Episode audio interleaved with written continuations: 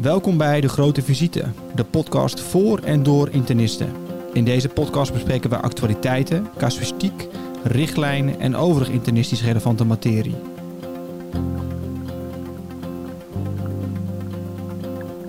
Mijn naam is Maria Sleddering, podcasthost bij De Grote Visite, de podcast voor en door internisten. We horen onszelf immers zo graag praten. Bij mij aan tafel zit mijn co-host Anne Verhulst. En vandaag gaan we praten met Adrienne Zandbergen over uh, de prijs die ze gewonnen heeft als opleider van het jaar 2021. Uh, Adrienne, we beginnen deze podcast altijd met dezelfde vraag. Uh, wat was je gaan doen als je geen internist was geworden? Als ik geen internist was geworden, ik weet ook niet of dat echt was gelukt, maar dan zou ik toch richting de journalistiek zijn gegaan. En dan het liefst um, um, reizen, fotografie gecombineerd met journalistiek. Dus totaal anders. Uh, maar dat is eigenlijk wel een beetje de, de, de droom die ik had. Ja, dat klinkt echt als een droombaan. Maar goed, uiteindelijk uh, internist geworden en werkzaam in het Erasmus. En daar opleider interne geneeskunde. En vorig jaar dus verkozen tot opleider van het jaar. Uh, de jaarlijkse prijs die wordt uitgereikt door de JNIV. En daar word je dan door voorgedragen door je eigen, hè, door je eigen AIOS. En hoe ben je eigenlijk zo opleider geworden? Hoe, hoe is dat gekomen? Kun je daar iets over vertellen? Nou, nadat ik mijn opleiding had afgerond in 2006, ben ik uh, na twee jaar gewerkt hebben in het Erasmus MC uh, naar het Icase ziekenhuis gegaan. Een ziekenhuis ook in de regio, middelgroot ziekenhuis in de regio uh, Rotterdam. En eigenlijk al vrij snel kwam daar de, de functie van opleider vakant. En ondanks dat ik nog vrij kort pas internist was, had ik altijd wel het gevoel dat het wel een rol was die bij me paste. Ik had altijd wel het gevoel dat ik graag nou ja, de, de jongere generatie, zowel de ANJOS als de AJOS wilde begeleiden en helpen in hun uh, carrièrepad en alles wat daarbij komt kijken. Dus ben ik eigenlijk vrij snel daar uh, opleider geworden. En uh, sinds 2011 was ik daar opleider. En in eind 2017 werd mij gevraagd door het Erasmus MC of ik hoofdopleider wilde worden in het Erasmus MC. Heb ik uiteraard even goed over nagedacht. Uh, maar uiteindelijk dacht ik, ja, het is ook een prachtige kans om nou ja, het, opleider zijn, wat je natuurlijk in je middengroot ziekenhuis bent, voor te zetten in een universitair ziekenhuis. En daarmee ook gelijk landelijk functie kunt bekleden en ook meer sturing kunt geven aan die opleiding.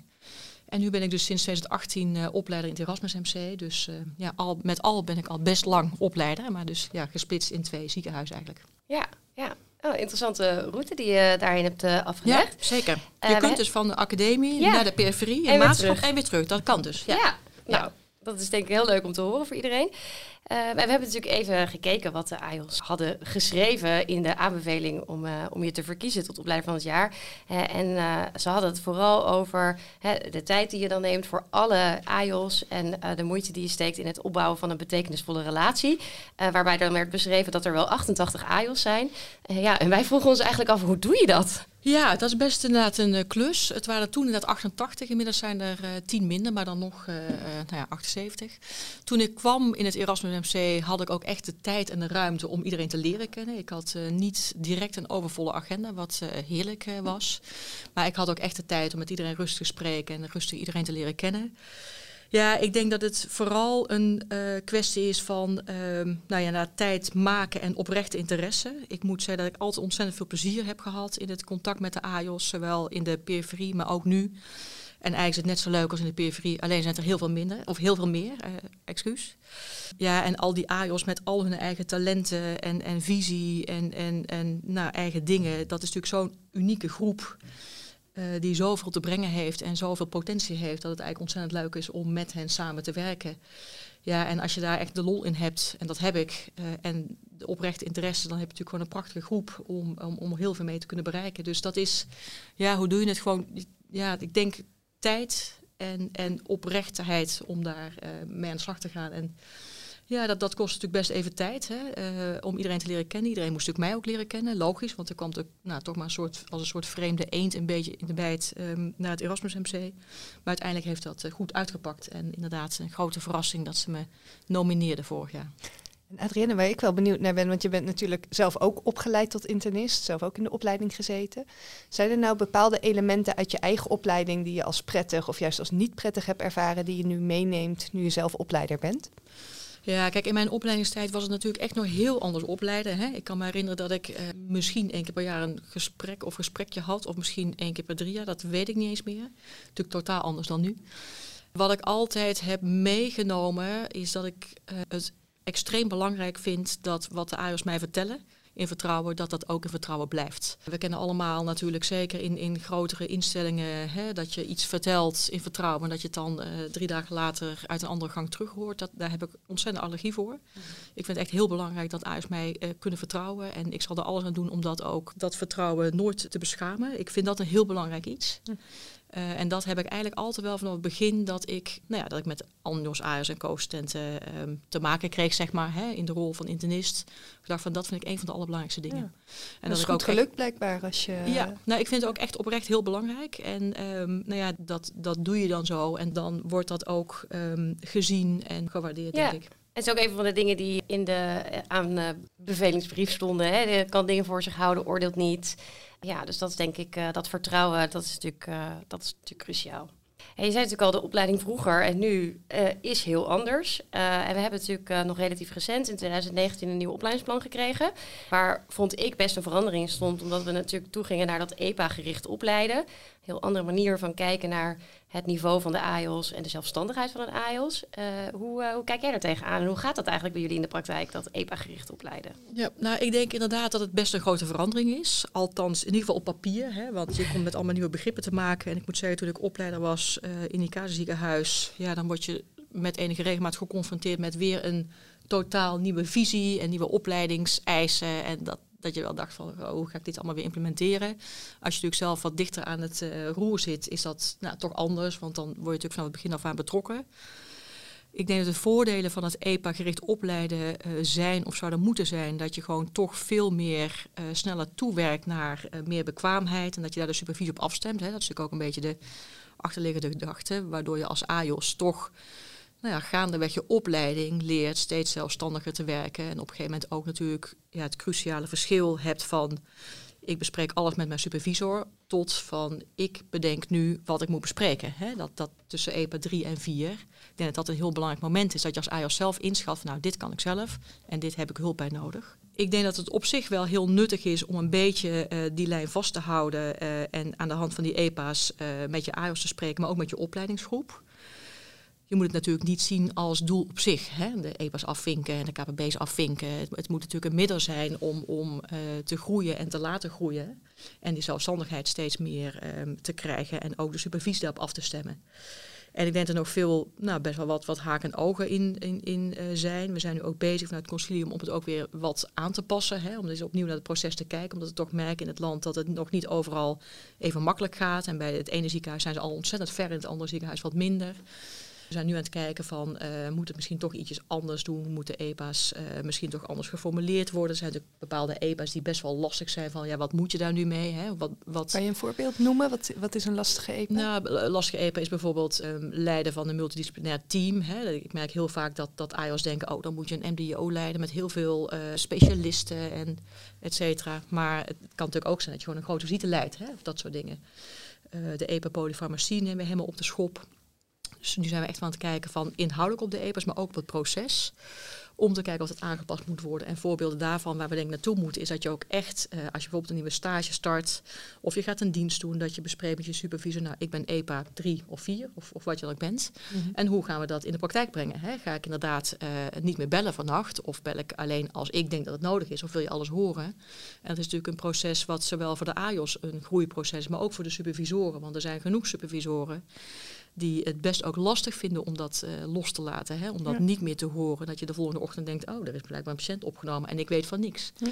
Dus dat zijn dingen die voor beide kanten natuurlijk wennen zijn. Nou ja, we hopen door dat iets meer handvaten te geven, ook voor de opleidingsgroep, hè, voor de supervisoren. Ja, dat we wat beter de, doel, de doelstelling van de EPA's in de praktijk kunnen brengen. Dus niet van het, het vinken en weer vinkjes en, en het portfolio moet uh, allemaal op groen staan, zeg maar.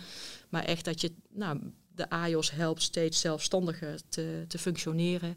En dat wij daar ook uh, nou ja, daar de, de, de supervisie en de begeleiding op aanpassen. Mooi. En ik denk als je dat kunt bereiken, nou ja, dan, dan heeft het wel een, een, een, doel, denk ik. En dan is het goed om het op die manier te doen. Maar ja, dus daar zijn we nog mee bezig. Ja, ja, ja ik denk ook echt dat het voor zowel AJOS als supervisoren echt een, een leerproces is, wat ja, niet meteen is ingevoerd. Maar uh, wat denk ik wel heel goed een, een middel kan zijn om een bepaald doel te bereiken, namelijk spreken over hoe ver ben je in je opleiding? Ja. Waar liggen je verantwoordelijkheden? En eh, Ja. ja. wat kan je eigenlijk al zelf? Ja, en ook wat heb je nog nodig hè, voor de rest als je bepaalde eh, specifieke leerdoelen nog hebt of, of dingen voor de toekomst wil, dat je dan Ja. ook daar ook veel gerichter en individuele op kon- kunt inspringen. Want dat individuele opleiden, dat is natuurlijk ook helemaal ja, hot and happening, denk ik. Niet elke IELTS is hetzelfde. Nou, dat heb je al verteld, dat vind je natuurlijk ook leuk. Ieder heeft zijn eigen talenten. Ja. En hoe kijk je daar in die zin tegenaan in profilering tijdens de opleiding? Hè? Eh, moeten de IELTS nog een, een, een tweede identiteit of een extra, nou ja, iets extra's ontwikkelen? En uh, moeten dat er meerdere zijn? Of uh, hoe, hoe doe jij dat met je IELTS? Nou ja, ik bekijk dat echt individueel. Hè. Er zijn AIOS die genoeg hebben aan het internist worden. En die daar ook helemaal hun ei kwijt kunnen. Die zijn natuurlijk super waardevol voor patiëntenzorg en, en gewoon om, om het vak uh, uit te oefenen.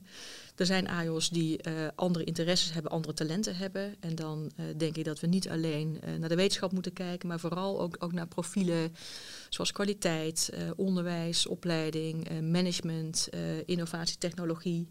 Ik denk dat we steeds meer van dat soort discipline overstijgende profielen gaan ontwikkelen, waar AIOS prachtige dingen kunnen doen. In het Erasmus hebben nu die profielen vrij, uh, nou ja, vrij intensief ontwikkeld al, maar vooral ook heel individueel. Hè. Dus als een AIOS in profiel management zit, nou, dat heeft natuurlijk superveel overlap, kan dat hebben, ook met innovatie, maar ook met kwaliteit of onderwijs. Het heeft ook allerlei dwarsverbanden geef ik ze wel een soort kader. Hè? Dus je hebt wel een soort nou, beschrijving van zo'n profiel. En, en je geeft een aantal cursussen of trainingen mee die, die gevolgd kunnen worden. En dan hebben we een soort brainstorm sessies met al die AIOS. En daar ontstaan de prachtigste uh, projecten uit. En dan is het ontzettend leuk om te zien als je AIOS een beetje wat meegeeft. Maar verder ook vooral loslaat, maar wel begeleidt. En, en, en koppelt aan de juiste mensen. Dat er hele mooie dingen ontstaan. En ik denk dat dat niet voor alle AIOS uh, nodig is. Zeker niet. Ik denk dat je het vooral ook dat niet op moet leggen van dat moet er ook nog bij. Want er moet al zoveel in zijn opleiding. Dat vind ik ook echt. Maar voor AIOS die dat leuk vinden. Er zijn echt AIOS die zeggen van nou die wetenschap bijvoorbeeld helemaal niks van mij. Maar ik wil me heel erg richten op die kant. Ja, dan kunnen we met die profielen denk ik wel uh, houvast geven om die kant op te gaan. En ik bekijk dat echt bij AIOS. En je bespreekt met ze, ze weten dat het bestaat. Meestal begin ik zo'n gesprek zo halfwege de opleiding als ze richting het Erasmus MC komen. Maar er zijn ook die vanuit de periferie al uh, die interesse heel duidelijk hebben. Nou, die kunnen uiteraard ook aansluiten. En voor sommige AIOS is het helemaal niet aan de orde. En dat is ook prima, dat hoeft ook helemaal niet. Ook dat is individu heel individueel. individueel. Ja. Ja, ja. Maar ik En- denk wel dat die profielen wel uh, iets voor de toekomst zijn. Hè. We Ja. krijgen natuurlijk steeds meer behoefte aan, aan zorgprofessionals die Iets meer. uh, eh, ja, en, en, en, eh, en wellicht ook in een bepaalde hoek nou ja, hun talenten verder ontwikkelen. Ja. ja, ik denk ook dat er misschien luisteren ook wel mensen die graag AIOS willen worden. Hè? Mhm. En eh, eh, we hebben misschien allemaal wel eens het gevoel, misschien ook toen je zelf solliciteerde, dat wetenschap een soort van op een eh, de hoogste treden piramide is om eh, in opleiding te kunnen komen. Denk je dat dit soort profielen. eh, dat dat ook zou moeten veranderen. Hè? Dat als je al voor je opleiding misschien een profiel hebt binnen innovatie of binnen management, dat dat ook een plusje zou moeten geven op je cv. Je meer geschikt zou moeten maken voor de opleiding. Hoe zie je dat? Ik denk dat zeker. Uh, ik denk twee punten eigenlijk. Ik denk inderdaad nog steeds dat wetenschap vaak wel een ietsjes grotere plus nog geeft. Anderzijds zijn er grote verschillen in, de, in het land. Binnenkort hebben we vanuit het concilium daar een speciale bijeenkomst over. Waarin we echt gaan kijken van uh, hoe is dat aannamebeleid in al die regio's. Het is natuurlijk ook best wel bijzonder dat dat zo verschilt. Hè. Dus als je in die regio, nou, dan moet je meer wetenschap. In die regio misschien juist niet. En ik denk persoonlijk dat die andere profielen net zo grote plusjes moeten gaan worden als de wetenschap. Dat is het nu nog niet helemaal. In mijn eigen um, uh, opleiding probeer ik dat wel steeds meer ook bij het aannamebeleid nou, voor het voetlicht te brengen. Maar er zit nog wel wat verschil in. Maar nogmaals, er zitten grote uh, regionale verschillen. En we gaan binnenkort proberen in het concilie om daar uh, nou, met elkaar over te praten. En wellicht wel iets meer toe te komen naar een unaniem aannamebeleid. Ja. Maar ik denk uiteindelijk dat we daar naartoe moeten. Ja, nou, mooie dingen voor de toekomst, denk ik. Ja, er is denk ik altijd heel veel mooie en leuke dingen in de opleiding. Maar er zijn natuurlijk ook uh, AIOS die het soms uh, moeilijk hebben. We hebben natuurlijk ook de enquête gehad van de jonge specialist over uh, ja, uitval, werkplezier, burn-out percentages. Dat komt denk ik overal voor. Hoe, is dat iets waar jullie actief mee aan de slag zijn in het Erasmus? Hoe, hoe pak jij dat op? Ja, nou binnen de, het Erasmus MC hebben het, het afgelopen jaar was het jaar voor de zorg van de AIOS. Hè, waarin dit soort thema's eigenlijk Erasmus breedte heel veel aandacht kregen en krijgen. Ja, ik denk als ik voor mijn eigen opleiding spreek, um, nou vooral goed um, um, nou ja, het, contact onderhouden met de AIOS en met de differentiatieopleiders. Goed horen vanuit de groep, uh, individueel, maar ook via de AIOS-vertegenwoordiging wat er speelt. En op tijd proberen in te grijpen. Hè. Ik denk dat het heel belangrijk is dat je als opleider gewoon ziet en ook bewaakt dat de AIOS niet uh, een, een werkpaard is. Uh, natuurlijk moeten we met elkaar uh, de toko draaiende houden. We hebben de patiënt om voor te zorgen. We moeten ook met elkaar een bedrijf uh, runnen. Hè, dat moet je ook straks als je internist bent. Maar ik denk wel dat we met elkaar voor moeten zorgen dat dat nou ja, binnen de, ehm, de juiste grenzen blijft. We hebben natuurlijk ook het coachingsprogramma, hè, wat ook sinds kort in het landelijk opleidingsplan staat. binnen Erasmus MC nou, wordt dat heel actief gepromoot. We hebben het Challenge Support programma, het coachings, ja, ontwikkelingscoaching is enerzijds natuurlijk ook wel burn-out preventie, maar anderzijds ook heel erg opgericht om van nou, hè, wat uit vanuit een positieve insteek, nou, hoe wil jij ontwikkelen en, en hoe uh, kun je dat bereiken? Intervisie is opgestart, ja, en toch gewoon met elkaar proberen de klus te klaren. Hè. Bijvoorbeeld in de COVID-pandemie, misschien nog een mooi voorbeeld, hebben we ook echt als afdeling gezegd van het komt niet alleen op de schouders van de AJOS. Natuurlijk die eerste twee maanden, nou, was natuurlijk chaos, maar daarna hebben we dat gewoon zodanig op weten te tuigen dat nou, in dienst, et cetera, ook de staf duidelijk een rol kreeg. Juist om maar niet de AIOS nog meer dienst te laten draaien. Dus zo met dat soort initiatieven, en het gaat ook zeker wel eens fout hoor, want het is echt niet zo dat het alleen maar en mooi en prachtig is. Nee, maar... maar probeer je wel met elkaar en in gesprek met elkaar dat samen op te lossen. En dan is wel mijn ervaring dat als het een keer niet lukt, of als je uh, echt een keer van, goh, dit is echt iets waar, waar, waar ik de AIOS voor nodig heb, dan kun je dat ook bespreken. En dan, hè, dan is er over en weer begrip en dan, dan probeert met elkaar op te lossen. Nogmaals, het lukt niet altijd. Maar dat is wel hoe we het proberen met elkaar. Goed om te horen. En daarbij helpt die individuele aandacht ook. Denk Zeker. Ik, Kijk, ja. als je elkaar kent, is dat natuurlijk veel makkelijker uh, schakelen. En, en ja, kun je ook, ook dingen van elkaar vragen die op dat moment nodig zijn. Ja. Want Adrienne, ik kan me voorstellen dat er AIOS of misschien internisten zitten te luisteren die zich of door jou of door andere opleiders geïnspireerd voelen of denken van nou, ik, ik wil daar ook wel iets mee gaan doen met dat opleiden. Wat voor tips kan jij AJOS of jonge internisten geven als ze ook opleider zouden willen worden? Welke vaardigheden heb je daarvoor nodig? Hoe kan je je daartoe ontwikkelen? Ja, je hebt natuurlijk voor opleiders uh, ook allemaal uh, competentieprofielen. Hè? Die kun je overal vinden. Maar ik denk dat het allerbelangrijkste is dat je het echt vanuit de, uh, een intrinsieke motivatie doet. Hè? Dat je echt vanuit die motivatie de jongere collega's wil begeleiden, wil helpen. Ik denk dat we echt af zijn en af moeten zijn van het idee dat de opleider de alwetende encyclopedie is die alles leert. Je doet dat echt met elkaar. Ik denk dat het heel belangrijk is om goed uh, te weten dat dat opleiden, je doet dat echt met de hele opleidingsgroep. En als opleider heb je denk ik de taak om ook die kant te promoten. Dus dat je echt met de opleidingsgroep samen de opleiding draagt en iedereen heeft daarin zijn eigen rol. En dat je als opleider nou gewoon toch echt empathie hebt en, en, en de, de drive hebt om, om de AIOS echt uh, hun doel te laten bereiken. Ja. Hè? Dat je de echte AIOS met al hun uh, potentie en, en uh, creativiteit en, en inbreng en hulp en, en kennis um, verder helpt. Ja. En ik denk als je dat van jezelf hebt, ja, dan is het een prachtig vak. Nou, geweldig. Dankjewel uh, Adrienne voor deze mooie bijdrage vandaag. Ik denk dat we hopelijk vele mensen hebben geïnspireerd om uh, opleiding als een, uh, als een taak erbij te nemen, misschien als internist. Dankjewel voor het luisteren naar deze aflevering van De Grote Visite. Een podcast van de Nederlandse Internistenvereniging. Dank aan mijn podcastcollega's Anna Verhulst, Bas Blok, Lara Hessels en Dirk-Jan Mons. De productie van deze podcast is in handen van Met Online. Vond je het leuk om te luisteren? Vergeet dan niet om je te abonneren op het podcastkanaal van De Grote Visite en deel deze podcast met je collega's. Tot de volgende keer.